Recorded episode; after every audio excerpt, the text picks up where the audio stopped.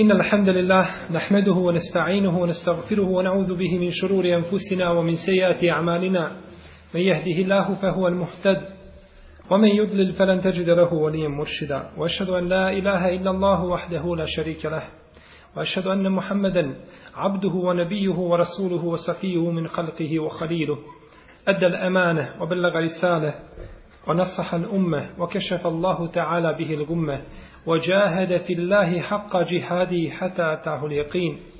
يا أيها الذين آمنوا اتقوا الله حق تقاته ولا تموتن إلا وأنتم مسلمون. يا أيها الناس اتقوا ربكم الذي خلقكم من نفس واحدة وخلق منها زوجها وبث منهما رجالا كثيرا ونساء. واتقوا الله الذي تساءلون به والأرحام. إن الله كان عليكم رقيبا. يا أيها الذين آمنوا اتقوا الله وقولوا قولا سديدا. يصلح لكم أعمالكم ويغفر لكم ذنوبكم. ومن يطع الله ورسوله فقد فاز فوزا عظيما. أما بعد فإن أحسن الكلام كلام الله وخير الهدي هدي محمد صلى الله عليه وسلم وشر الأمور محدثاتها وكل محدثة بدعة وكل بدعة ضلالة وكل ضلالة في النار. Sa je večeras, inša Allahu ta'ala, 35. hadis u kome stoji an Abdillah anna Umara ibn al-Khattab radijallahu anhu kale Ja Rasul Allah أيرقد أحدنا وهو جنب قال نعم إذا توضأ أحدكم فليرقد وهو جنب وحديث koga prenosi Abdullah ibn Omar od svoga oca Omara ibn al-Khattaba radijallahu anhu da je rekao o Allahu poslaniće hoće li neko od nas leći da spava dok je džunup? Pa je rekao poslanik sallallahu alaihi wasallame da nakon što abdesti neko od vas neka leže a on džunup.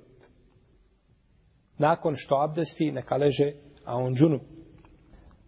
Ovaj hadis u njemu imamo dvojicu ashaba to je Abdullah ibn Omar i Omar ibn Khattab radijallahu ta'ala anhuma i govorili smo o Omar ibn Khattabu u prvom hadisu a o Abdullahu ibn Omaru njegovom sinu govorili smo u poglavlju istitabeta. Možemo se kratko posjetiti samo na biografiju ove dvojice časnih ashaba. Omar radijallahu ta'ala anhu u Buharinom sahihu i kod imama Ahmeda se navodi predaje da je poslanik sallallahu alaihi wasallam jedne večeri usnio da je ušao u džennet pa je vidio, kaže, ušao sam u džennet pa sam vidio, kaže, jedan dvorac prelijep dvorac pa sam upitao čiji je ovo dvorac? Pa su kazali to je za jednog mladića od Kurejšija za Omera ibn Khattaba. Kaže pa sam se sjetio tvoje ljubomore Omer pa nisam htio ući. Nisam htio ući u tvoj dvorac. Pa kaže Omer radijallahu ta'ala o Allahov poslaniče zar da na tebe budem ljubomoran? U hadisu koga bilježi imam Tirmizi sa dobrim lancem prenosilaca govorio je poslanik sallallahu alaihi wasallame لو كان بعدي نبي لكان عمر da posle mene ima poslanika bio bi Omer. Niko ne bi bio poslanik posle mene do Omer ibn al-Khattab radijallahu anhu. Kaže ibn Omer u predaji koju bilježi Hakim i vjerodostanom je ocenio on imam Zahebi kada bi se god neka stvar desila među ljudima govorili bi ovako a Omer bi govorio ovako. Pa bi Kur'an uvijek došao objavljen bi Kur'an bio kao što je Omer kazao. Uvijek bi potvrdio riječi Omera. I navodi se da je dvadesetak ajeta spušteno tom prilikom u pogledu Omera. To je sigurno malo pretjerivanje ali zna se pouzdano da je nekoliko ajeta spušteno što se tiče Omera radijallahu ta'ala anhu, potvrđujući njegovo mišljenje i njegov stav. Kaže poslanik sallallahu alaihi selleme u hadisu koga bilježi imam taberani sa dobrim lancem prenosilaca, kako kaže imam sujuti, ko mrzi Omera, taj mrzi mene. A ko voli Omera, taj voli mene. Ko mrzi Omera, taj mrzi mene. a ko voli Omera, taj voli mene. Pa šta mislite onda on, onima koji proklinju Omera radijallahu ta'ala anhu? Mnogo su izgubili. A što se tiče Abdullaha ibn Omara, njegovog sina, on je jedan od četiri el ibadile, to je množida od riječi Abdullah. ibadile, jedan od četiri Abdullaha.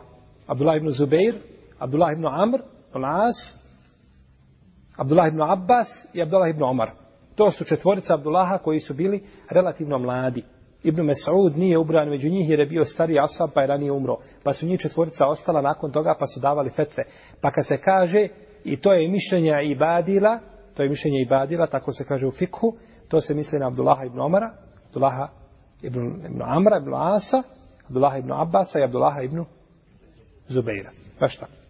Znači, on je jedan od četiri Ibadile. Abdullah ibn Omar za njega je specifično da bi uvijek kada bi vidio nešto od svoga imetka, od stvari koje mu se dopadaju i drage mu, to bi dijelio na Allahovom putu. Pa ima Mebu Davud bilježi u svome dijelu Ezuhd sa ispravnim lancem prenosilaca da jednoga dana sjedio i razmišljao o riječima Allaha Đelešanu len tenalu birre hatta tunfiku mimma tuhibbun. Nećete dostići dobročinstvo dok ne budete dijelili od onoga što volite. Kaže pa sam razmišljao pa sam vidio da najviše volim svoju robkinju koju je, koje je bilo ime Romeisa. Najviše je volim. To mi je najdraže bilo. A roblje je tada bilo dragi metak.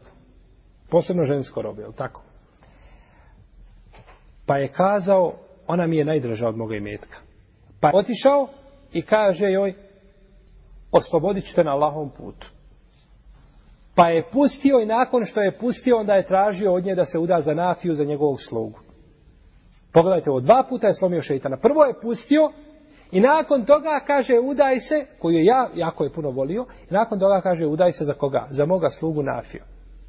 Pa je dva puta slomio šeitana, radijallahu ta'ala anhu. Isto tako u predaji, koji bilježi Ebu Dawud u istom dijelu, da je prolazio jednog dana pored jednog pastira koji je čuvao ovce. Pa kaže taj pastir, kaže mu, prodaj mi jednu ovcu. Kaže, kako da ti prodam kad je to imetak moga vlasnika, moga gazde? Pa kaže, kada te upita, kaže, pojeo je vuk. Pa je mali se okrenuo i počeo vikati, subhanallah. A gdje je onda Allah? Gdje je Allah? Gdje je Allah? Ja mogu prevariti gazdu, a gdje je Allah? Pa Ibn Omer počeo vikati subhanallah, gdje je Allah, gdje je Allah. I sutradan otišao kod gazde toga pastira i kupio i njega, tog pastira, kao roba, i ovce i kaže, idi ti slobodan na Allahom putu. Kaže, idi ti slobodan na Allahom putu. Pogledajte šta takva čini od čovjeka. Radi Allahu Teala anhu a nebihi. Bio je čovjek koji najžešće sledio sunnet ashab koji je najžešće slijedili, ili da kažemo od ashaba koji su najžešće slijedili sunnet.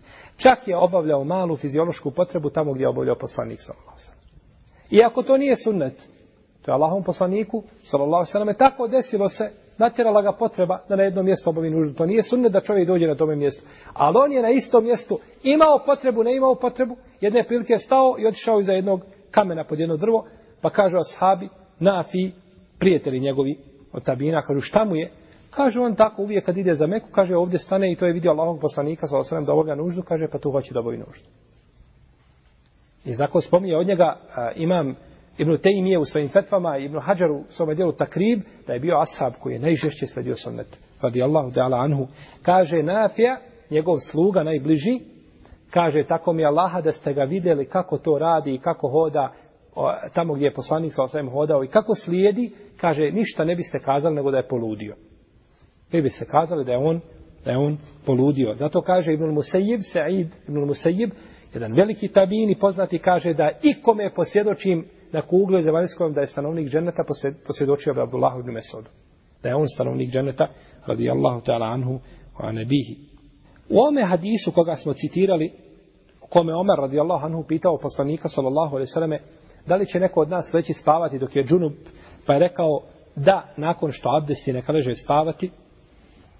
U ome hadisu je dokaz učenjacima koji kažu da je obaveza vađib uzeti abdest prije spavanja onome koje je džunup. Onome koje je džunup da je obaveza uzeti i na to ukazuje hadis. Iz hadisa se znači jasno zaključuje da je to obaveza. I to je mišljenje velikog dijela učenjaka Zahirijske pravne škole i to je jedan rivajet od imama Malika. Ibn Arabi el Maliki je kazao da je to mišljenje imama Šafije, no međutim nije poznato od imama Šafije tako, tako mišljenje i takav stav. To je poznato od imama, od imama Malika. Kaže imam El Bađi u svome dijelu El Muntaka, u prvom tomu na 98. stranici, da je imam Mali govorio ko ostavi, ko ostavi abdest, a džunup, pa legne spavati, treba da traži istikfara od Allaha te barake o teala.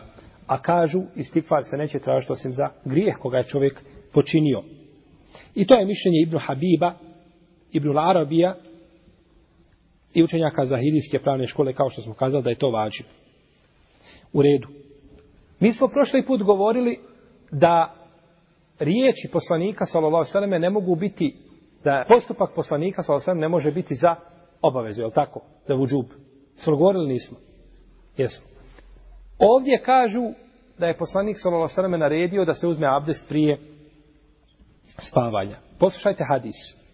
O Allahov poslanice, hoće li od nas neko leći spavati, a on džunup? Pa je rekao da, nakon što se abdesti, neka leže spavati. Ima li ovdje naredba za abdest? Nema naredbe za abdest. Nego šta ima? Ima šart, uslovljavanje. Da, nakon što nakon što se abdesti, neka legne spavati. Pa odakle onda učenjacima da dolaze da je ovdje naredba? Kako mogu uzeti vudžub iz odavde? Mogu uzeti vudžub iz drugih rivajeta ovoga hadisa. Ovdje je spomenuo autor jednu verziju, no međutim imamo druge verzije ovoga hadisa. Imamo verziju kod imamo muslima u kojoj se kaže nam li je te vodda thumme lijenem. Da, neka abdesti pa neka spava. Je sad naredba? Je li nije? Jeste naredba. Neka abdesti, da, neka abdesti. Znači naredba, neka abdesti. Reci mu neka abdesti. Je to naredba? Jeste naredba. U drugoj se predaji kaže, u drugom rivajetu, te vodda vahsil zekarek thummenem. Abdesti se, ovo je još preciznija naredba. Abdesti se, operi spolni organ, pa spavaj. A u predaji koji bliži Ibn Hibban i da, Ebu Davud, koja je vjerodostojna, kaže se Igsil zekarak, thumme te vodda, thumme rkud. Operi svoje stidno mjesto, potom se abdesti, potom spavaj. Zamjena redosljeda. Zamjena redosljeda. U svakom slučaju, ispravno je ovdje da se prvo čovjek šta? Prvo pere stidno mjesto, pa onda se abdesti. Pa onda se abdesti. Ovdje je razilaženje u pogledu obaveze abdesta prije spavanja za onoga koje je džunup nastalo iz našeg starog pitanja koga smo spominjali, da li naredba povlači za sobom obavezu. Kada dođe naredba u sunetu poslanika, sallallahu alaihi da li povlači za sobom obavezu. Većina uleme kažu da ovaj hadis nije za obavezu. Da nije za obavezu. I to, i to dokazuju predajom koju bilježi imam Tirmizi Ebu Davud i Nesai ibn Mađe, kad kažemo imam Tirmizi i Nesai i Ebu Davud ibn Mađe, kako se to zove? Četvorica. Ili sabirači sunena. Znači četvorica ili sabirači sunena. Od Aisha radijallahu ta'ala anha da je kazala Ennehu alaihi salam kane jenamu vohu je džunub wala jemesu ma'a. Da je poslanik s.a.v. spavao kada je bio džunup, a nije doticao vode. Nije doticao vode. Znači nije se abdestio. Imam El Bejheqi kaže da su islamski učenjaci muhadisi da su prigovorili o ome hadisu, da ovaj hadis nije vjerodostojan. Da nije vjerodostojan. A kažu i kada bi bio vjerodostojan, ovdje se misli nije docao vode, nije radio šta? Nije se kupao. Kažu nije se kupao, nije dotakao vode, misli se nije se kupao, ne nije uzeo abdest. Pa je znači on u svakom slučaju uzimao abdest. Kaže imam Neovi, rahmetullahi alej, da je ovaj hadis, da je ovaj hadis, kada bi bio vjerodostojan, da se može protumačiti na drugi način. A to je, kaže, da je poslanik, sallallahu sallam, ponekad ostavljao to dijelo da dokaže da uzimanje abdesta za žunup nije šta? Obavezno. Kaže tako. Znači, možemo protumačiti. Pa su dokazivali, vode raspravu da li je obavezno, nije obavezno, I na kraju kažu, ako je obavezno, onda je to činio, onda je to činio iz razloga da pokaže, ako je znači spavao bez abdesta, činio to iz razloga da pokaže abdest u tom slučaju nije obavezan. No međutim, ima nešto što je bolje od ovoga. Našao sam hadis kod Ibn Hibana, Ibn Huzeime, koji je vjerodostojan, ima vjerodostojan lanac prenoslaca, u kome je poslanik sallallahu pitan, da li da se čovjek, da li da čovjek spava dok je džunup? Pa je poslanik sallallahu alejhi ve sellem rekao: "Nam, wa yatawadda idha sha." Da, ali neka abdesti ako hoće. Pa je ova predaja jasna šta da se radi o o dobrovoljnom. Znači da se radi o sunnetu da kažemo. Ne dobrovoljno. Nije isto ostaviti ne ostaviti sunnet sigurno, ali znači ne radi se o vađibu, nije obaveza. Nam vojete iza ša. da neka spava i neka abdesti ako hoće. Ako hoće. Jer mi smo kazali da kada dođe naredba u sunnetu poslanika sallallahu alejhi ve sellem naredba da ona povlači za sobom šta? Obavezu. To je jako bitna stvar. Mnogi ljudi kada im dođe hadis sunnetu poslanika sallallahu alejhi ve selleme kažu to je sunnet. Kažemo jeste sunnet, ali to može isto tako biti važib. Pa kada dođe naredba sama po sebi imperativ, a nije došao drugi argument koji taj imperativ spusta na niži stepen, mi kažemo ta je stvar obavezna ili je važib.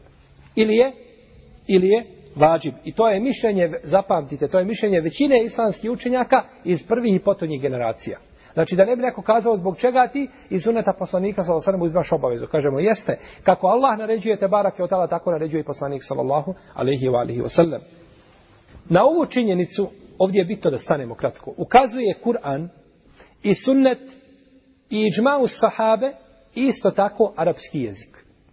Što se tiče Kur'ana, kaže uzvišeni Allah te barak je wa ta'ala فَلْيَحْذَرِ الَّذِينَ يُخَالِفُونَ عَنْ اَمْرِهِ en tusibahum fitnetun au yusibahum azabun ali. Neka se dobro paze oni koji se suprotstavljaju njegovoj naredbi. Čijoj naredbi? Poslanika sallallahu alejhi ve Znači on ima naredbe. Allahov poslanik sallallahu alejhi naređuje kako došlo od Isu da naređuje kao što naređuje uzvišeni Allah te barake te barake ve taala. I neka se dobro paze da i kakav musibet ne snađe. Kažu islamski učenjaci musibet u vjeri. Ne musibet u dunjaluku, nego musibet u vjeri da ih ne snađe zbog toga što su ostavili šta? Sunet poslanika sallallahu alejhi ili radili suprotno njegove naredbi ili da ih bolna patnja ne snađe. Musibet u vjeri na dunjaluku ili bolna patnja gdje? Na ahiretu. To je znači dokaz iz Kur'ana i drugi argumenti imaju, ali navodimo znači kratko, samo da razumijemo ovo pitanje. Sunnet poslanika sallallahu alejhi ve selleme u hadisu koga bilježe Buhari i Muslim kaže Allahu poslanik sallallahu alejhi ve selleme Laula an ashqa ala ummati la amartuhum bis-siwak 'inda kulli salah. Da se ne bojim da će otežati svome umetu, ja bih im naredio da koriste misvak pri svakom namazu. U redu da Allahov poslanik sallallahu nije mogao narediti da bude nešto zavađib. Kako bi onda značenje bilo da se ne bojim da će ih opteretiti? Znači da im je mogao narediti, ali da im nije mogao narediti, nema opterećenja. Allahov poslaniče svejedno naredio te naredio, nema opterećenja. Ja ako hoću radim, ako neću nisam griješan. Je tako? No međutim, kada kaže da ih da se ne bojim da će opteretiti, znači opterećenje bi bilo i ti bi to morao učiniti i bilo bi za tebe tegoba. Pa u ovome slučaju, znači, Allahu poslanik, sallallahu iz milosti prema nama, znači, ostavio pitanje misvaka, pa je misvak sunnet kako pri abdestu, tako i u drugim, tako i u drugim prilikama. Konsensus ashaba. Ashabi se nikada nisu razilazili da treba izvršiti naredbu poslanika, sallallahu Nikada. Niko od njih nije kazao, Allahov poslanik naredio, pa kaže, eto, ako hoćeš čini, ako nećeš, hajr. Nije hajr. To je svako zlo i svaki šer da ti radiš suprotno naredbi poslanika, sallallahu alaihi wasallam. Isto tako arapski jezik. Arapski jezik ukazuje neminovno, znači da naredba povlači za svom obavezu. Kada gospodar kaže svome robu, vladar kaže svome robu, idi uradi tako i tako. I on to ne uradi. Jel zaslužuje kaznu ili ne zaslužuje? Zaslužuje, nije se odazvao, nije uradio ono što mu je naređeno. Donesi mi čašu vode, uradi to, idi tu, idi obavijesti toga i toga da ću danas doći kod njega. I on ne ode. Kaže što nisi otišao, pa tvoja naredba je dobrovoljno. Ako hoću, hoću, ako neću, neću. Nije tako. Ako je tako po našim kriterijima, šta mislite onda kako je, kakav je slučaj a, kada se radi o, o poslaniku sa odnosno kada se radi o vjeri? Tu nema, znači čovjek nema udjela, nema znači udjela svojim hirom, nego mora znači raditi onako kako mu je došlo od poslanika sallallahu alaihi wa alihi wa sallam. No međutim, ovdje je bitno razumjeti isto tako da naredba, taj emr u arapskom jeziku može biti za vudžub, da bude nešto vađib. Može biti za nedb, da bude nešto dobrovoljno. Može biti za ibaha, da ibaha da je nešto mubah da se čini. Može biti za tehdid, prijetnja, tehdid. Može biti dua za dovu, može biti za dovu. Može biti za ihane, za podcjenjivanje ili ponižavanje. Može biti za tehdib, za odgoj. Može doći, znači, naredba u raznim oblicima. Pa je ovo zbunilo neke učenjake koji su kazali, zbog čega vi kažete da je naredba uvijek obavezna? Kažemo, jeste, ali se mora isto tako gledati u kontekst. Na primjer, kada uzvišeni Allah te barake od ta'ala kaže wa aqimu sala wa atu zekja to su naredbe obavljajte namaz, dajte zekja zašto su te naredbe? za obavezno ili dobrovoljno? obavezno bez sumnje kada kaže poslanik sallallahu alejhi ve selleme qabla al magrib sallu qabla al magrib sallu qabla al limen ša klanjajte prije magre, akšama klanjajte prije akšama klanjajte prije akšama to je šta? je to naredba? Jeste naredba, znači vađib. No međutim, došao je nakon toga argument ko želi. Kao ovdje. Nam je te obba izaša. Da, abdesti ako hoće. Pa je znači došla naredba koja je spustila ili e, argument koji je spustao tu prvobitnu naredbu sa stepena obaveznog na stepen dobrovoljno. Imamo isto tako da može biti za ibahud, nešto što je mubah, kada uzvišeni Allah te barak je od tala kaže فَإِذَا حَلَلْتُمْ فَاسْفَادُوا فَإِذَا حَلَلْتُمْ فَاسْفَادُوا Kada skinete svoje hrame, nakon toga lovite. Pazite, kada skinete hrame, lovite naredba. Je li ovdje naredba za obavezno, dakle dok skineš ihram moraš uzeti strelu i ići po pustinji loviti? Nije naredba. Je li sunnet? Nije. Dobrovoljno dobrovoljno. Iako postoji razilaženje kod islamskih učenjaka, kada dođe naredba nakon zabrane. Poslanik sa osvijem kaže, zabranio sam vam posjećivanje kaburova, posjećivajte ih sada. Pa je ovo naredba posle čega? Zabrane. Naredba posle zabrane. Kao što je ovdje došlo. Fejda halaltum festadu. U vrijeme ihrama nisi smio loviti. Nakon toga lovi. Pa je ovdje naredba za mubah, znači za ibahu, ako hoćeš, ima čovjek mogućnost, znači da lovi. Kazali smo tehdid, a to je prijetnja. Kada Allah te barak je od prijeti, pa kaže i'melu ma ši'tum. Radite šta hoćete. Je to tebi naredba da ti radiš šta želiš? Da neko kaže, vallahi, Allah žanu u Kur'anu kaže, radi šta hoćeš. Da si ti radi, šta god da uradiš, hajde. Radi šta hoćeš, ali doćeš na sudnji dan. Kao djetetu kada kaže babo, ponašaj se kako hoćeš, a doće kraj godine, pa ćemo vidjeti kakve će ocjene biti.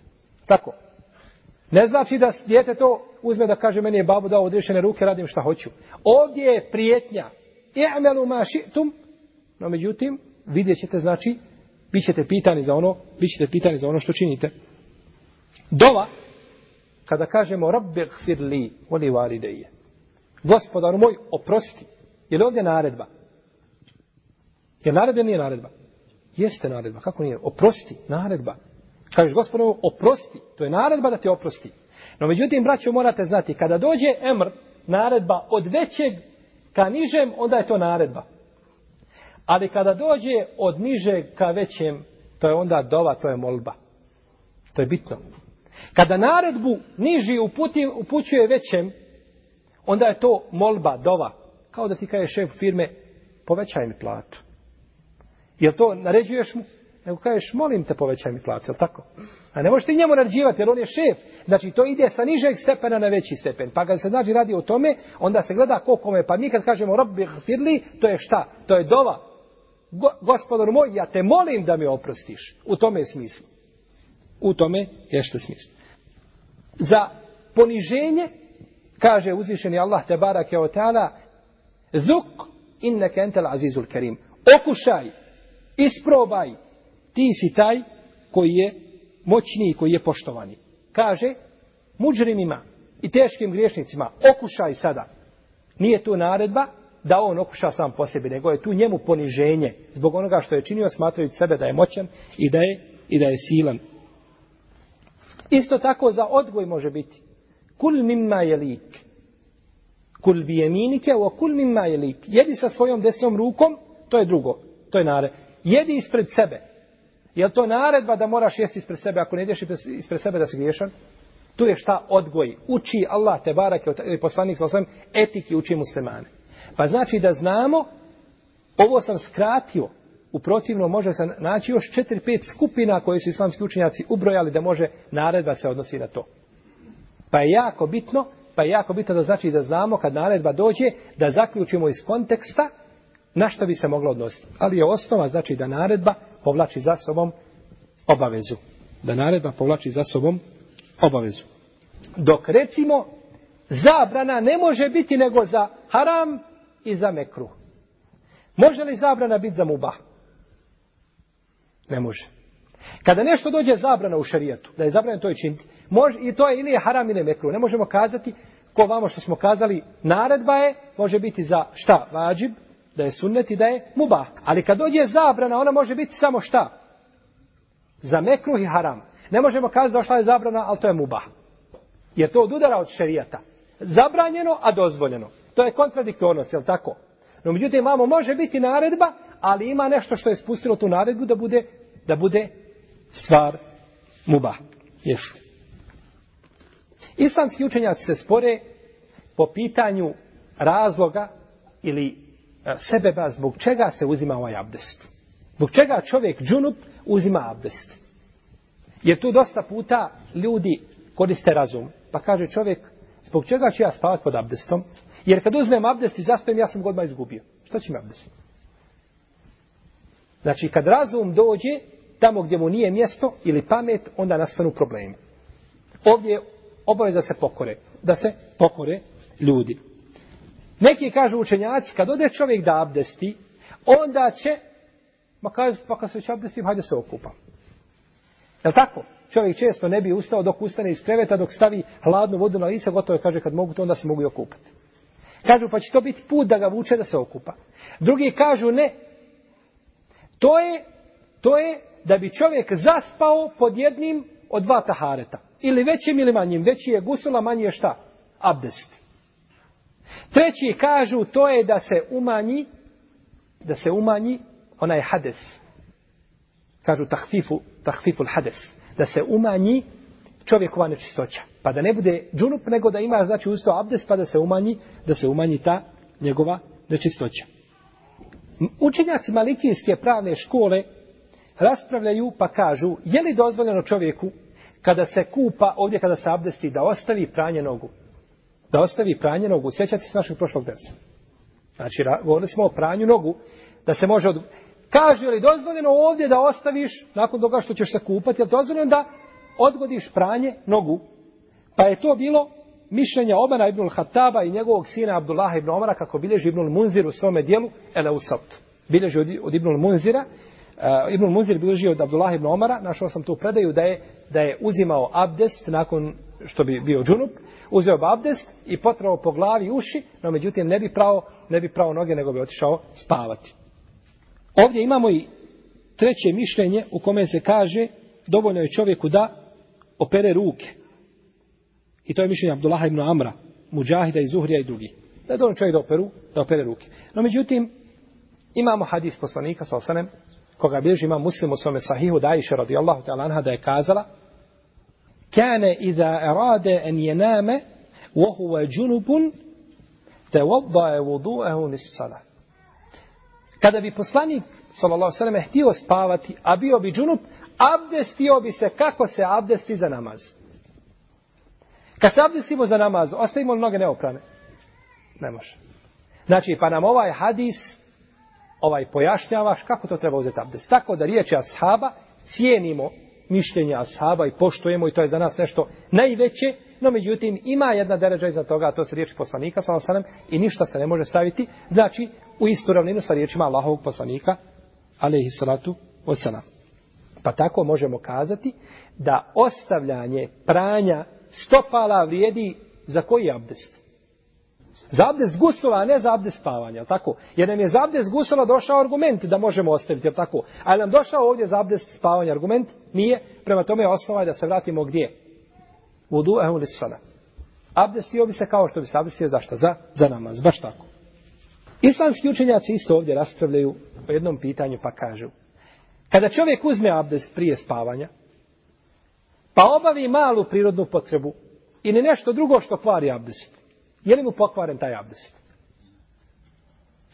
Svatate. Uzeo je abdest prije spavanja i učini nešto što kvari abdest. Pusti vjetar, obavi malu prirodnu nužu, nije bitno. Iziđe krv, ako smatra da krv kvari abdest, tako dalje. Je li mu pokvaren taj abdest? Kažu učenjaci, jeste li nije? Jedni viču jeste ili nije.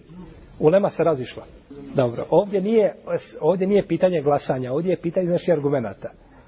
Pitanje argumenta.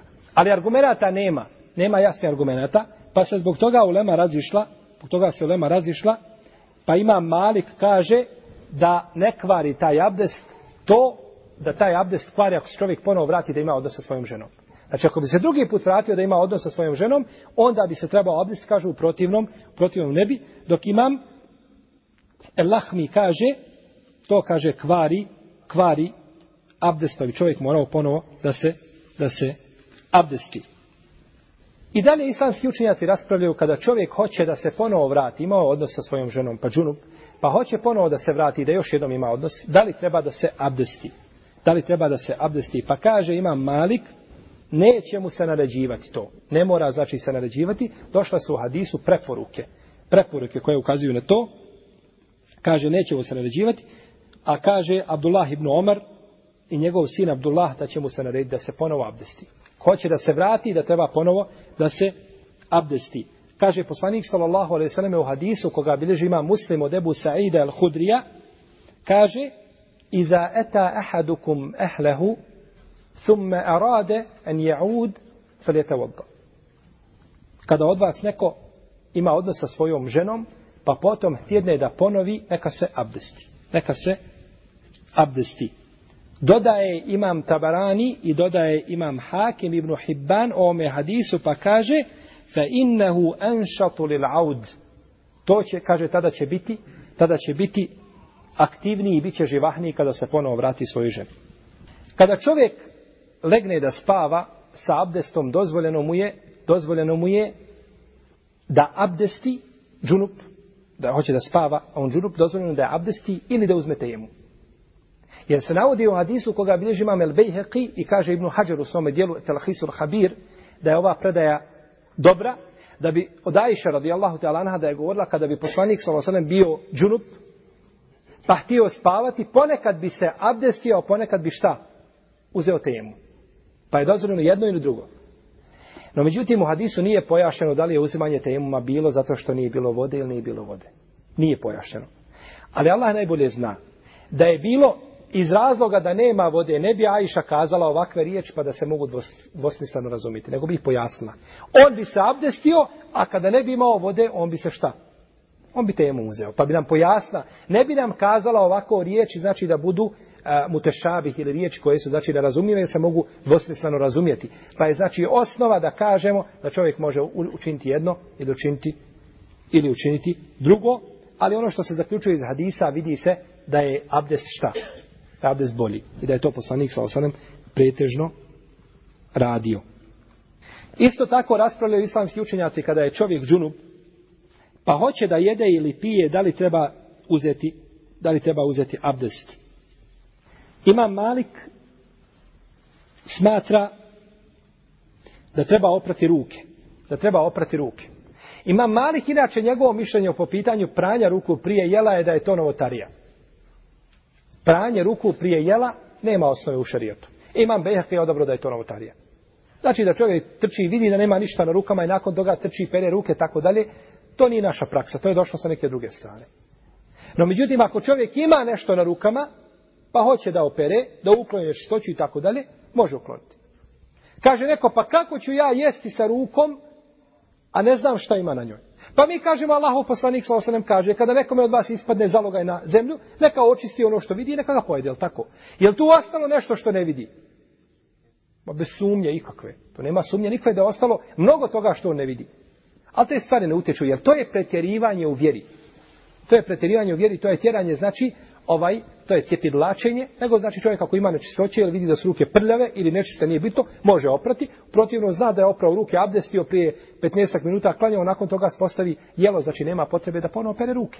No, međutim, ima Malik ovdje kaže nakon odnosa zato što postoji relevantna mogućnost da su čovjekove ruke bilo na mjestu, ovaj da doticale, ovaj dijelove tijela, nakon čega treba čovjek znači da opere svoje, da opere svoje ruke. Kaže Aisha radijallahu ta'ala anha u hadisu koga bilježi ima muslim u svome sahiju, vidite kako nam je Aisha prenijela ove intimne stvari poslanika sallallahu alejhi više nego drugi ashabi. Zato je Buhari kad je prenosio neke hadise, pa go, pa kazivao za ovo fetve, kaže Aisha radijallahu ta'ala anha, Allah se smilo Ebu Hureyre. Allahu poslanik nije tako činio, pa kad je to čuo, kaže, ona je, kaže, učenija od mene u toj oblasti. To je njena intima koju ona poznaje bolje nego što ja poznajem. Kaže, رضي الله تعالى عنها كان رسول الله صلى الله عليه وسلم إذا كان جنبا فأراد أن يأكل أو ينام توضأ وضوءه للصلاة الله poslanik sallallahu alejhi ve sellem kada bi bio džunup pa htio da jede pa htio da jede ili da spava abdestio bi se kao što se abdesti za za namaz u redu je li Ovdje je došla naredba ili nije došla naredba?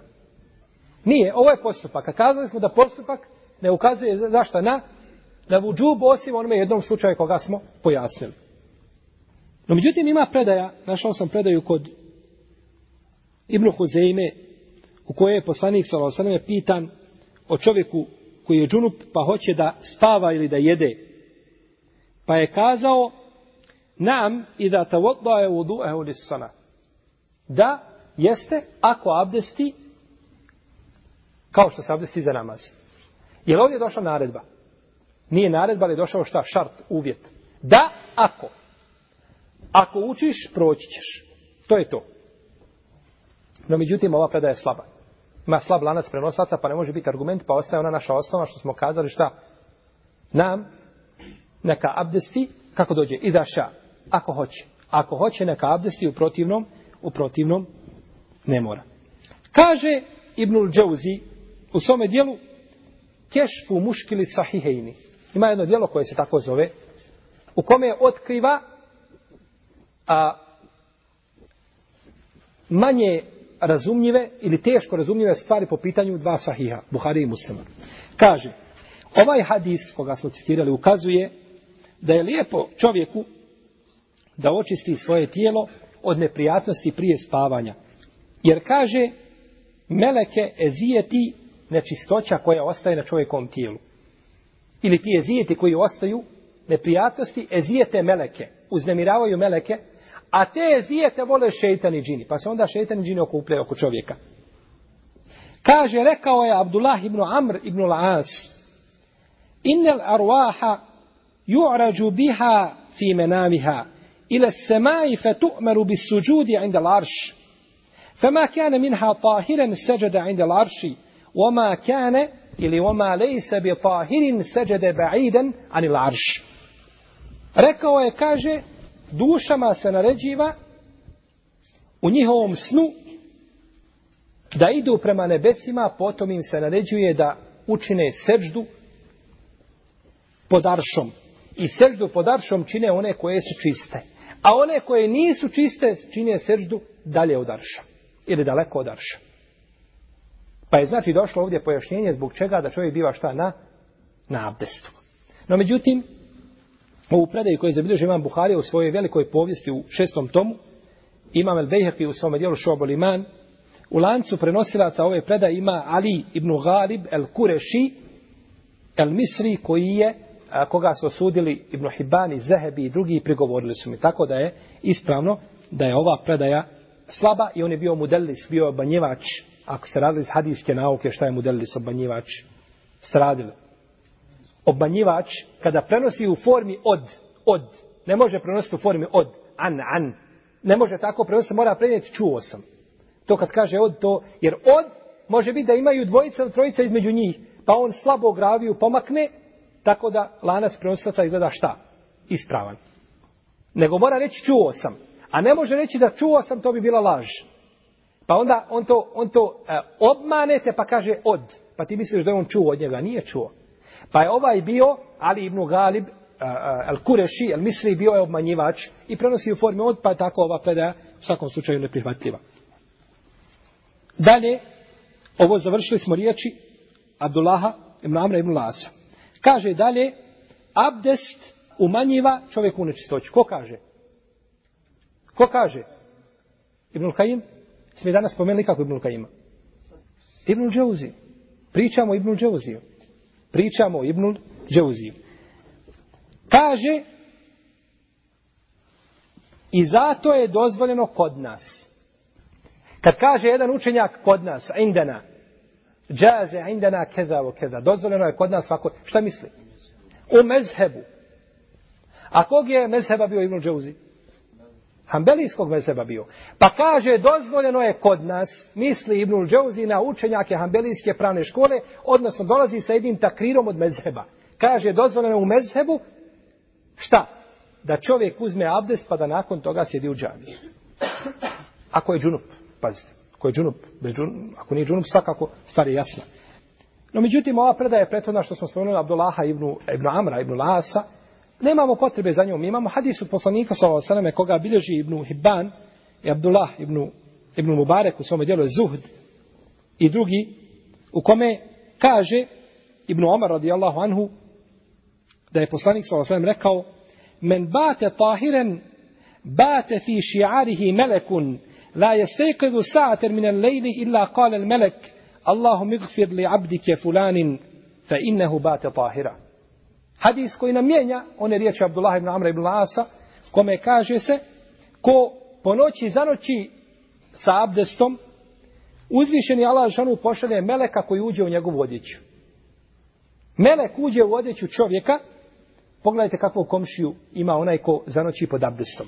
Meleka. Kaže, ni jedno, kaže, ni jedan dio noći on se ne probudi, ne okrene se levo i desno, a da ta melek ne, vič, ne, ne govori, kaže, gospodaru moj, oprosti ome svome robu, pa on je zanoćio pod taharat. Cijelo večer, znači, kada se god čovjek okrene, melek dovi i moli, znači, za takvog roba. Pa nam je, znači, ovaj hadis dovoljan, dovoljan nam je, znači, ovaj hadis, nemamo potrebe da uzimamo predaju Abdullah ibn Amra ibn Nasa, koja je onako slaba. Islamski učenjaci kada govore, vidite ovaj kratki hadis. Hadis je jedna rečenica. Ali pogledajte šta koristi imamo znači u jednom hadisu koje su nas spomenuli islamski učenjaci. Ovdje ima jedno bitno pravilo koga spominju islamski pravnici u kome se kaže a taliq, to je kada je nešto ovdje kaže se da, može ako abdesti. Pa je to povezano, to je uvjetovanje.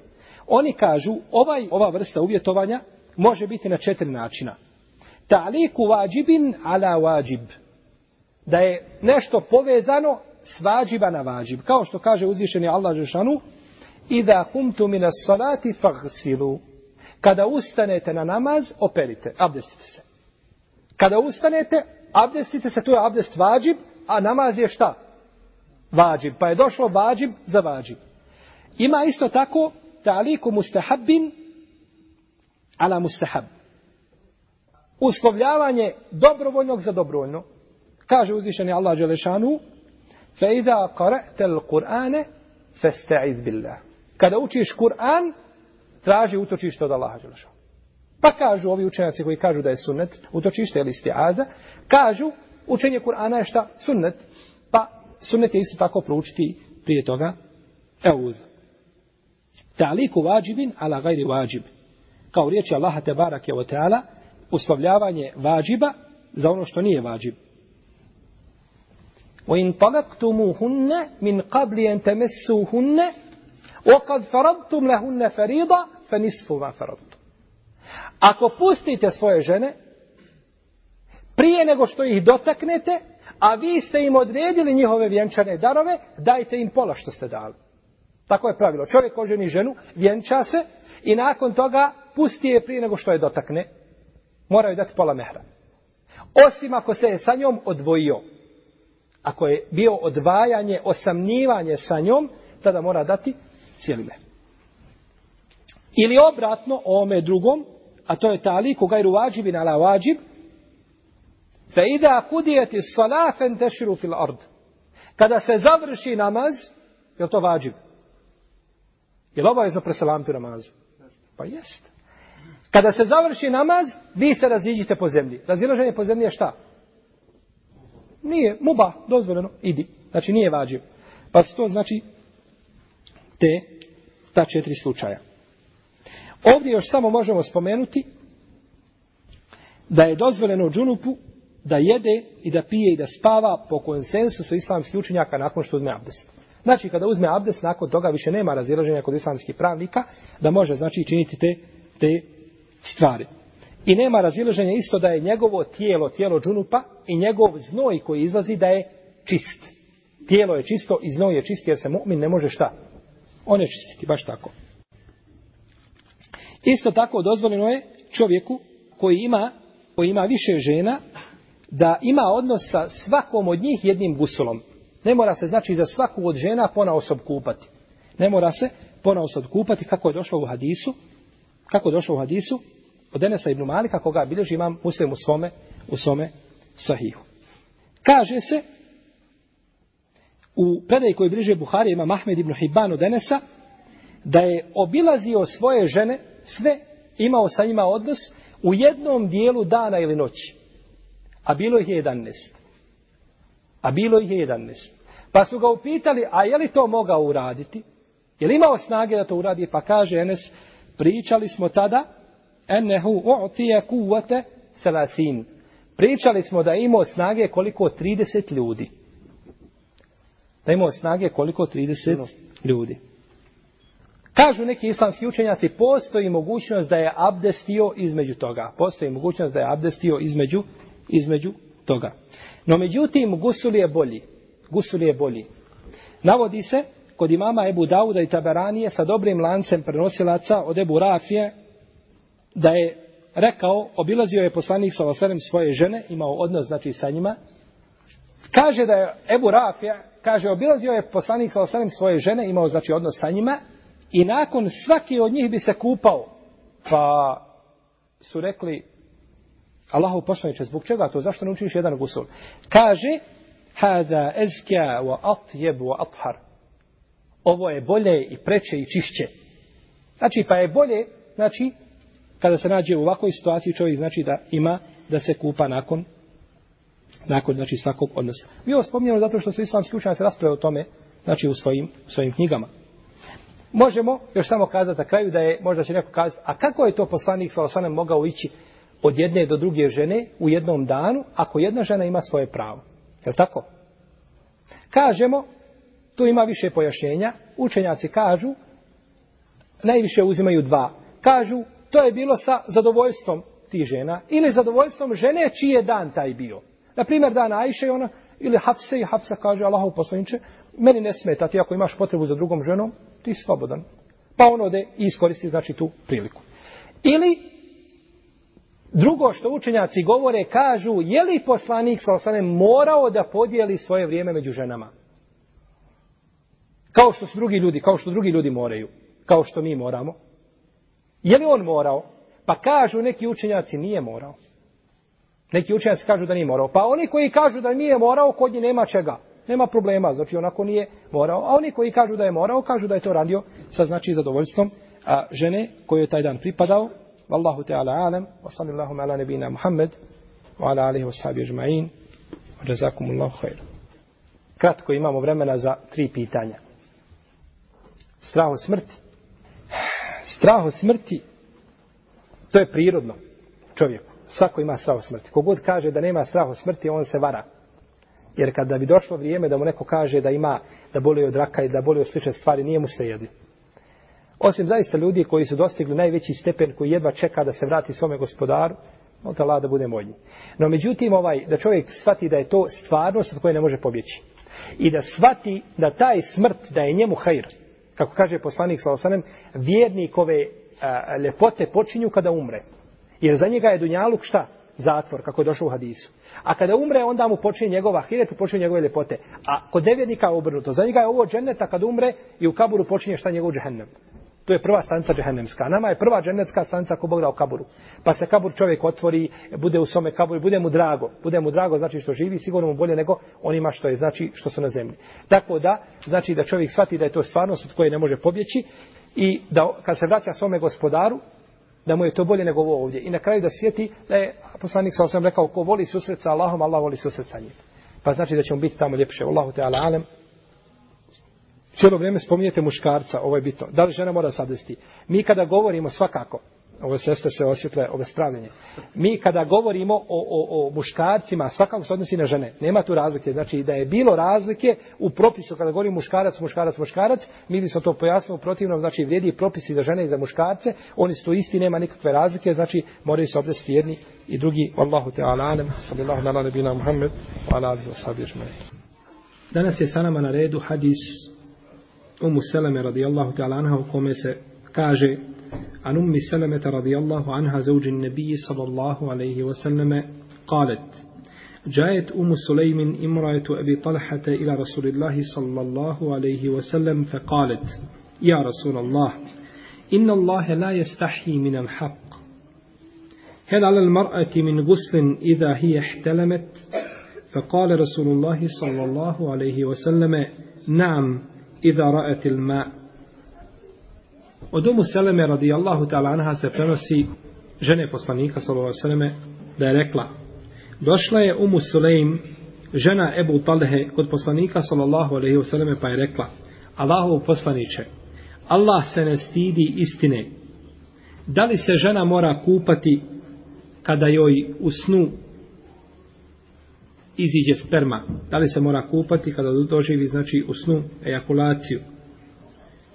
Pa je rekao poslanik sallallahu alejhi ve selleme da kada vidi vodu, da kada vidi vodu, to jest kada vidi spermu. U ome hadisu spomenuta je Umu Seleme, majka vjernika, žena poslanika sallallahu alejhi ve selleme koje je bilo ime Hind bintu Ebi Umeje. Dobila je nadimak po svome sinu Selemi, znači pa je prozvana kao Umu Seleme. Oženio je poslanik sallallahu Seleme, kaže se druge ili treće ili četvrte hidžetske godine u mjesecu Ševalu, što je ispravno. Četvrta znači hidžetska godina u mjesecu Ševalu. A prije njega je bila udana za Ebu Selemom, Abdullahom ibn Abdul Esedom, ti Allahu ta'ala anhu. Ona i njen muž Ebu Seleme su bili prvi koji su otišli ili među prvima koji su otišli u Habešu i kaže se da su dva puta činili hidžu u Habešu. Kaže Ibn Hazm da je ona zadnja žena koja je umrla od žena poslanika sallallahu alejhi ve Ako se sjećate prije dva hadisa imali smo hadis Mejmune radijallahu ta'ala anha u kome Muhammed ibn Amr kaže da je Mejmune zadnja Mejmuna da je zadnja žena bila koja je umrla od žena poslanika sallallahu alejhi ve sellem. Znači tu postoji razilaženje među islamskim učenjacima. Prenosi od poslanika sallallahu alejhi ve 378 hadisa 13 bilježi muslim koje ne bilježi Buharija i 3 bilježi Buharija koje ne bilježi muslim. Ibn Sad prenosi poznatu priču o njoj kako je bila ljubomora na Ajšu radijallahu ta'ala anha. Da kako je Ajša bila ljubomora na nju zbog njene ljepote, bila je izrazito lijepa. Bila je izrazito lijepa, iako je bila u godinama kada se udala za poslanika sallallahu ali je bila izrazito lijepa radijallahu ta'ala anha. Kada je poslanik sallallahu došao da je prosi kazala je Allahu poslaniče, kaže ja sam žena imam djecu. Imam djecu, imam siročad. I ljubomorna sam, izrazito ljubomorna, a i stara sam, pa je rekao poslanik sallallahu sallam što se tiče djece, ja sam njihov velija, ja ću o njima brinuti. A što se tiče tvoje ljubomore, kaže molim Allaha da je otkloni, da je umanji, a što se kaže tiče to da si stara, kaže pa ja sam stariji od tebe, sallallahu alaihi wa alaihi wa sallam. Što se tiče njene smrti, postoje različita mišljenja, neki kažu da umrla 59. 62. 64. a ispravno da je umrla 71. hiđarske godine, radi Allahu ta'ala anha. Bilži ibn Sad u svome dijelu Tabakatul Kubra sa lancem čiji su prenosioci pouzdani u 8. tomu na 88. stranici, da je Umu Seleme jednog dana rekla Ebu Selemi, hajde kaže da se dogovorimo ti i ja, da onaj ko prvi umre od nas dvoje, da se drugi koji ostane živ ne ženi nakon njega. Tako da bi u džennetu bili skupa. Jer će žena u džennetu biti od žena zadnje mužu. Ili kome je bila žena na Dunjalu. Pa je rekao Ebu Seleme, hoćeš li se ti meni pokoriti? Hoćeš li biti pokorna žena? Kaže, hoću. Kaže, onda se udaj nakon mene. Onda se udaj nakon mene. Pa je digao svoje ruke i rekao, gospodaru moj, kaže, obskrbi umu selemu nakon mene čovjekom koji je bolji od mene. Koji je bolji od mene. Pa je zaista došao onaj koji je bio bolji od njega. Sallallahu alaihi wa sallam. Spominje Zehbi u svome dijelu Sijer da je prvi koji je tražio umu selemu za ženu nakon smrti njenog muža Ebu Seleme, da je to bio Ebu Bekr. Pa je odbila. Pa je došao Omer, pa je odbila. Pa je došao Omer, pa je odbila. Kao da je imala osjećaj radi ta'ala da će doći onaj koji je bolji od nje oba dvojice. U ome vidimo da poslanik s.a.v. nije kao što neki govore svojim oštrim jezicima trčao samo za ženama i ženama mladim i slično tome. Oženio je ženu koja je bila već u poznijim godinama života. Iako je mogao oženiti mlađu ženu od nje, no međutim nije, nije to učinio. Danas imamo ljude koji pišu u muslimanskim zemljama pa napišu, kažu društvo ashaba je bilo društvo zadovoljavanja strasti i prohtjeva. I navode, opravdavaju zašto je to poslanik s.a.v. dozvolio ashabi hodaju džunup. Zašto je Buhureri nije ukorio kada je vidio džunup? Kaj zato što su bili džunup. Samo su džunupli. To je bio njihov posao da rade. Tako pišu o ashabima poslanika sallallahu alaihi wa alaihi wa sallam. A šta kazati o ummetu koji dira u najbolje sinove, najbolje svoje sinove. Kaže se da je oklanjao dženazu Ebu Hureyre, drugi kažu da je to bio Sa'id ibn Zaid. Ko je on Sa'id ibn Zaid? Po čemu je on poznat? Sa'id ibn Zaid. Spomnjali smo ga prethodne večeri. On je jedan od desetorice, je li tako? Jedan od desetorice. No, međutim, ispravno da je umro 50. iđeske godine, a ona 71. Ispravno da je Ebu Hureyre umro prije nje. Jer Ebu Hureyre po ispravnom mišljenju nije dočekao hilafet jezida sina Muavinog. I govorio je da se utječe Allahu od toga da djeca prihvate hilafet. I da to ne dočeka. Pa ga Allah uzvišeni nije poživio i umro je godinu ili dvije godine prije hilafeta jezida ibn Muavije.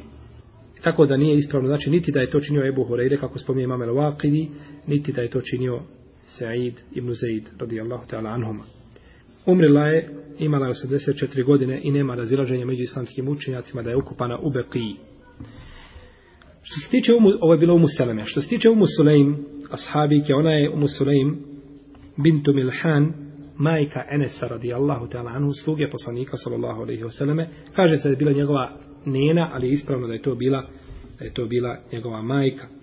Ona prenosi od poslanika sallallahu alaihi wasallame 14 hadisa, jedan je kod Buharija i muslima, jedan prenosi Buharija, ne prenosi muslim i dva prenosi muslim koje ne prenosi Buharija kaže se u Buhari, u predaju koji bliži Buharija od Džabira, da je, da je poslanik sa sam rekao, kaže, ušao sam u džennet pa sam čuo jedan glas ili zvuk, a kaže, pa sam upitao koja je to, pa su rekli, to je Bintu Milhan, Rumejsa Bintu Milhan, u drugoj predaji Gumejsa, a u trećoj predaji Umejsa Bintu Milhan. Misli se na nju, ali ima raziloženja oko njenog imena.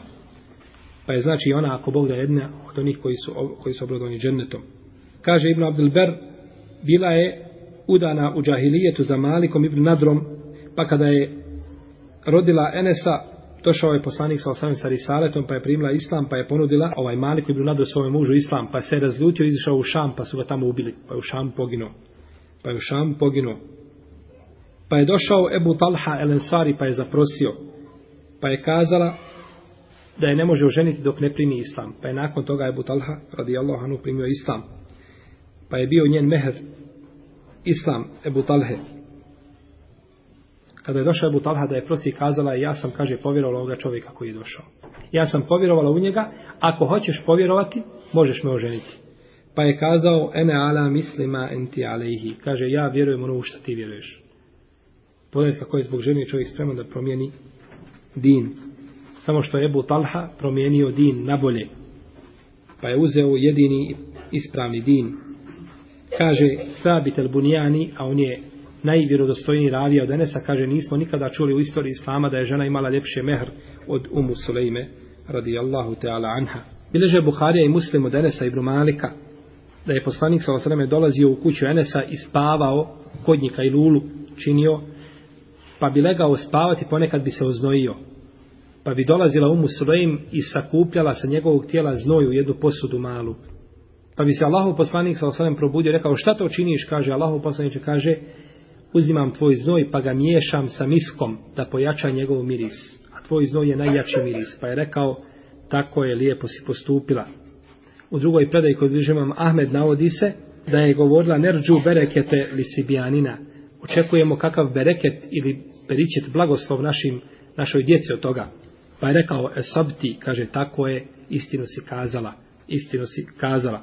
Kaže Umu Sulejm, kako spominje imam El Mizi u svom dijelu Tehribul Kemal u 35. tomu na 697. stranici, toliko mi je dovio poslanik sallallahu alaihi wasallame da nisam poželjela više od toga. Toliko mi je dovio da sam bila zadovoljna, da nisam poželjela dova nakon, nakon toga. U, kod Ibn Sada u Tabakatul Kubra se navodi da je ona bila na bitci na Uhudu i da je imala jedan nož, da je imala jedan nož, a u drugoj se predaj spominje koja je vjerodostojna da je Ebu Talha došao kod poslanika, sa osam i rekao, Allahu poslaniće pogleda i kaže, Umu Sulejm ima sa sobom nož, izišla, da se bori, znači, sa nožem. Pa je kazala, Allahu poslaniće, tako mi Allaha, kaže, neće, nijedan mi se mušik približiti da mu neću stomak rasporiti. Radi Allahu te Alana držale nož, znači, u svojoj ruci. Ibn Mađe i Tirmizi bilježe u, sa ispravnim lancem prenosilaca, da je ona rekla, došao je jedan dan poslanik Salosaleme kod mene, pa je pio iz okačene e, posude koja je bila okačena, koja je imala crijevo iz koga se pilo, pa kada se je napio, kaže, ja sam to crijevo odsjekla i ostavila ga kod sebe. Želeći kakav bereket od toga crijeva, jer je to dotakao poslanik Salosaleme sa svojim ustama, pa je to, u tome je znači beričet i dožele tražiti blagoslov od toga. Poznata je njena priča koju bliže Buharija i Muslim, kada, ima, kada je sin preselio, Ebu Talha se vratio sa puta, pa je našao, došao u kuće, bio je sin bolestan, ostavio ga bolestan, pa je djeto među vremenu preselilo, pa je upitao kada je došao kako je sin, kaže, odmorio se. Odmorio se, lijepo mu je. Pa mu se uljepšala to veče, pa su, kad su prespavali, onda ga je ujutru pitala, kaže, šta misliš o čovjeku koji nešto pozajmi od nekoga i dođe taj čiji je vlasnik vlasnik te stvari koju je posajmio njegov prijatelj, pa je traži i ovaj neće da mu je vrati. Šta misliš o njemu? Kaže, ružno je postupio. On je bio obavezan njemu vrati stvar koju je tražio. E, kaže, slušaj, kaže, Allah je tražio tvoga sina. A ti si bio obavezan da mu ga vratiš, kaže, tvoje djete preselilo. Pa mu je to teško palo, ne da se ne ljutio. Pa je otišao do poslanika, sallallahu pa je rekao, kaže, barek Allahu lekuma fi lejletikuma. Allah vama učinio bereket u vašoj noći. To je koju ste prespavali. Pa kažu, kaže ravija hadisa, a bajete ibn Rifah, kaže, vidio sam da, da, su, da je rodila sina koji se zvao Abdullah. A taj sin je imao sedam sinova i svi su bili hafizi Kur'ana. Pogledajte bereketa dove poslanika koja se prenijela na generaciju nakon, nakon njihove, jer taj sin koga su dobili, tek su tu, taj bereket te dove vidjeli na unučadima. Allah vama učinio bereket u vašoj noći. Sallallahu alaihi wa sallam. Što se tiče žene Umu Sulaim Ebu Talha, on je Ebu Talha, Zaid ibn Sehl, ibn Lesvod, učestvuje na bitci na Bedru i na u ostalim bitkama, prenosi od poslanika sa osrame dva hadisa, e, 72 hadisa, dva prenose Buharija i Muslim, jedan Buharija, a drugi Muslim. Znači dva imaju skupa, a jedan ima Buharija koji nema Muslim, a drugi ima Muslim koji nema Buharija. Prenosi se kod imama Ahmeda kod imama Hakima da je postio posle smrti poslanika sa osaleme i nije prekidao post osim za dva bajrama. Osim za dva bajrama. I u predaju vjerodostojno smatra imam Hakim i Zehebi. U drugoj spredaj navodi da je postio samo kada bi bio, kada bi prekidao post samo na putu i kada bi bio bolestan. On je onaj kako je došao kod Buhari i muslima, koji je branio poslanika sa osaleme na bitci na Uhudu i govorio nahri dune nahrik. Allahu poslaniče kaže, nemoj izvirivati da te vide pa da te pogode, ja iskupljujem tvoja prsa mojim prsima. Pa je slomio toga dana dva ili tri luka braneći poslanika, sallallahu alaihi wasallam. Došlo je u hadisu kod imama Ahmeda koji je vjerodostojan da je poslanik, sallallahu alaihi wasallam, rekao, sautu ebi talhate fil džejši hajrun min fi'e. Glas Ebu Talhe u vojsci kad znači na bojnom polju kada se on pojavi je kaže žešći za neprijatelja nego glas stotine ljudi kada on krikne jedan put, to je bilo za neprijatelja gore nego stotinu ljudi, kako je rekao poslanik sallallahu alaihi wasallam. Bio je konjanik poslanika sallallahu alaihi osaname i ubio je na bitci na Huneinu više od 20 ljudi svojom rukom i govorio je Ana Ebu Talhate wasmi Zaidun wa kulle jeumin fi silahi sajdun. Ja sam, kaže Ebu Talha, ime mi je Zaid i svakoga dana moje oružje nešto lovi. Došlo je kod imama Ahmed u njegovom usnedu sa vjerodostojnim lancem prenoslaca da je Ebu Talha, radijallahu ta'alanhu imao jedno mišljenje koje nije nikad niko imao od islamskih učenjaka od prvih, Allah zajmljuje da neće ni do poslije. Jedini je to zastupao u ummetu, a to je da je smatrao da je dozvoljeno jesti grad kada čovjek posti. Onu sočicu, onaj grad, led, da je bilo dozvoljeno jesti. Kaže, to nije hrana, niti je voda, to je dozvoljeno jesti. Pa je jedini zastupao to mišljenje. Kaže Imam El Bezar, nakon što je spomenuo ovu predaju, kaže i ne zna se da je to iko kazao se Mebu Talhe, radijallahu ta'ala anhu. Pa znači ashab može pogriješiti, promašiti u svome ištihadu, sigurno, a međutim to ne umanjuje vrijednost Ebu Talhe. Umro je 34. hijđarske godine, kada je imao 70 godina, u Medini. A drugo mišljenje navodi se da je umro, kako bilježi imam Tabarani Hakim u predaji, koja je ispravna, da je izišao jedne prilike u bitku jednu, pa su išli morem, pa, su, pa je umro na lađi.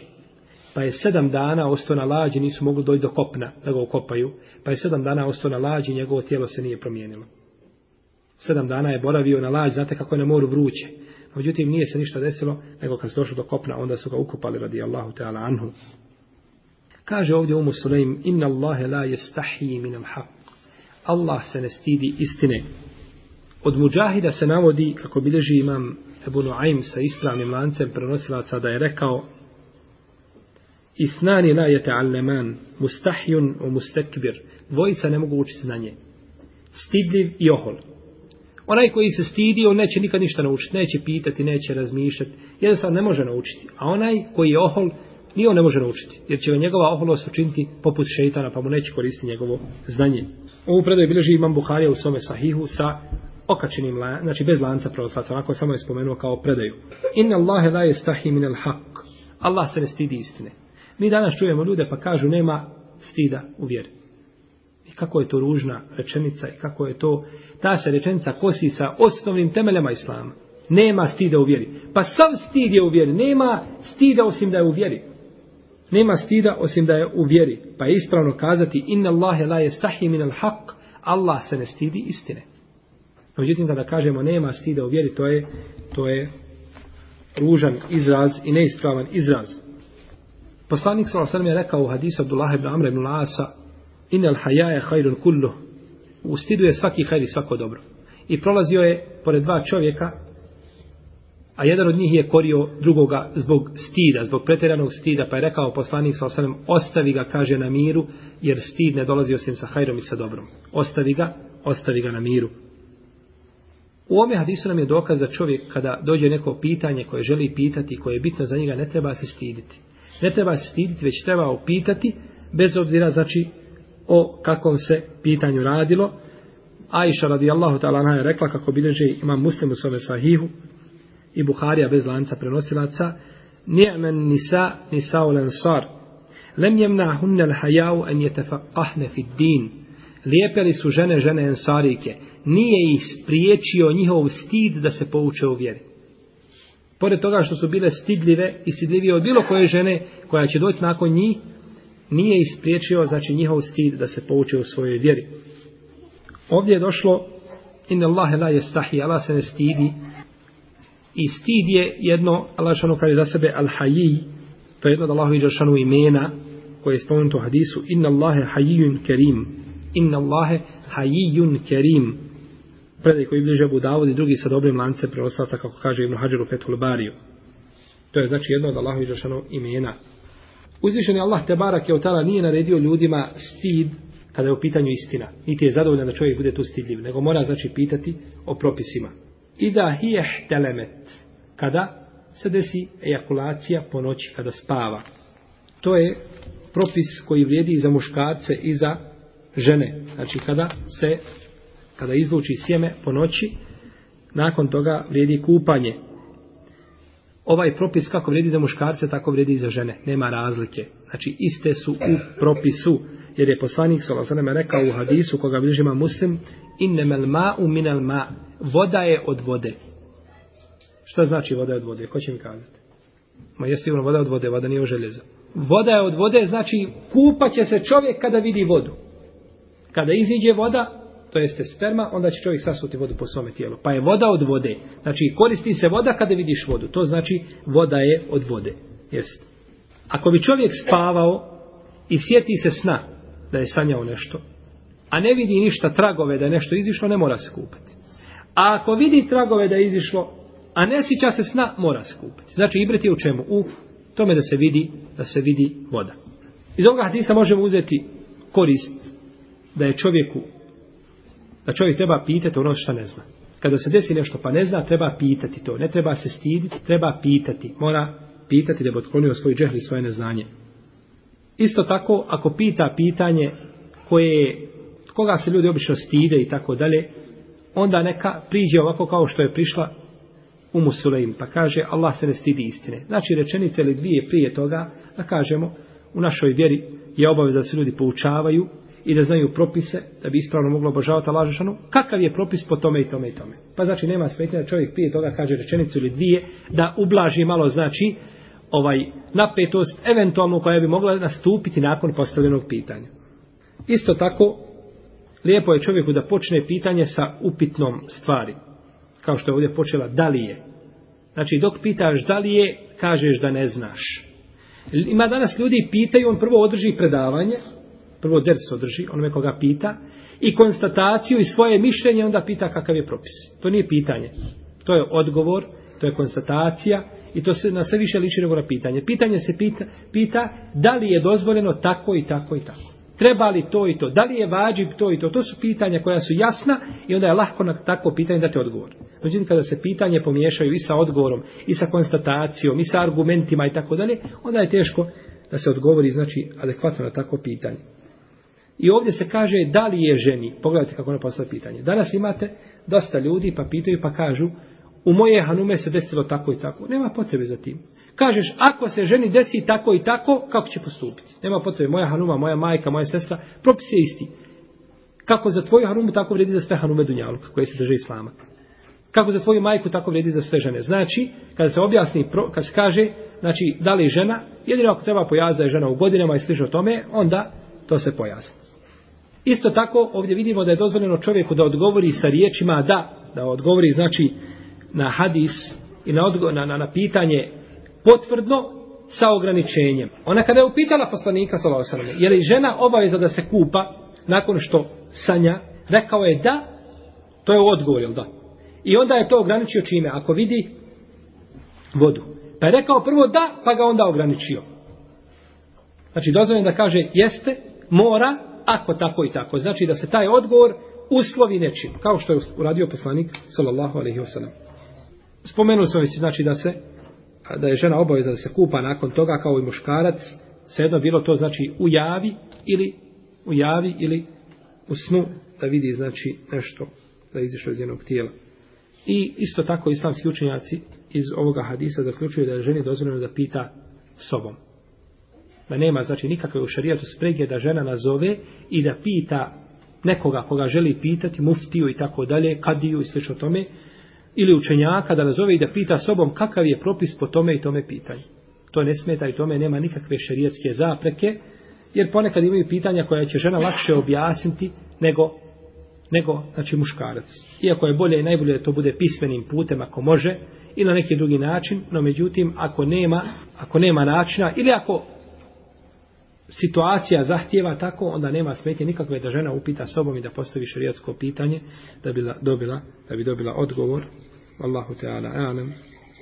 Sallallahu ala nebina Muhammed wa ala alihi wa sahbihi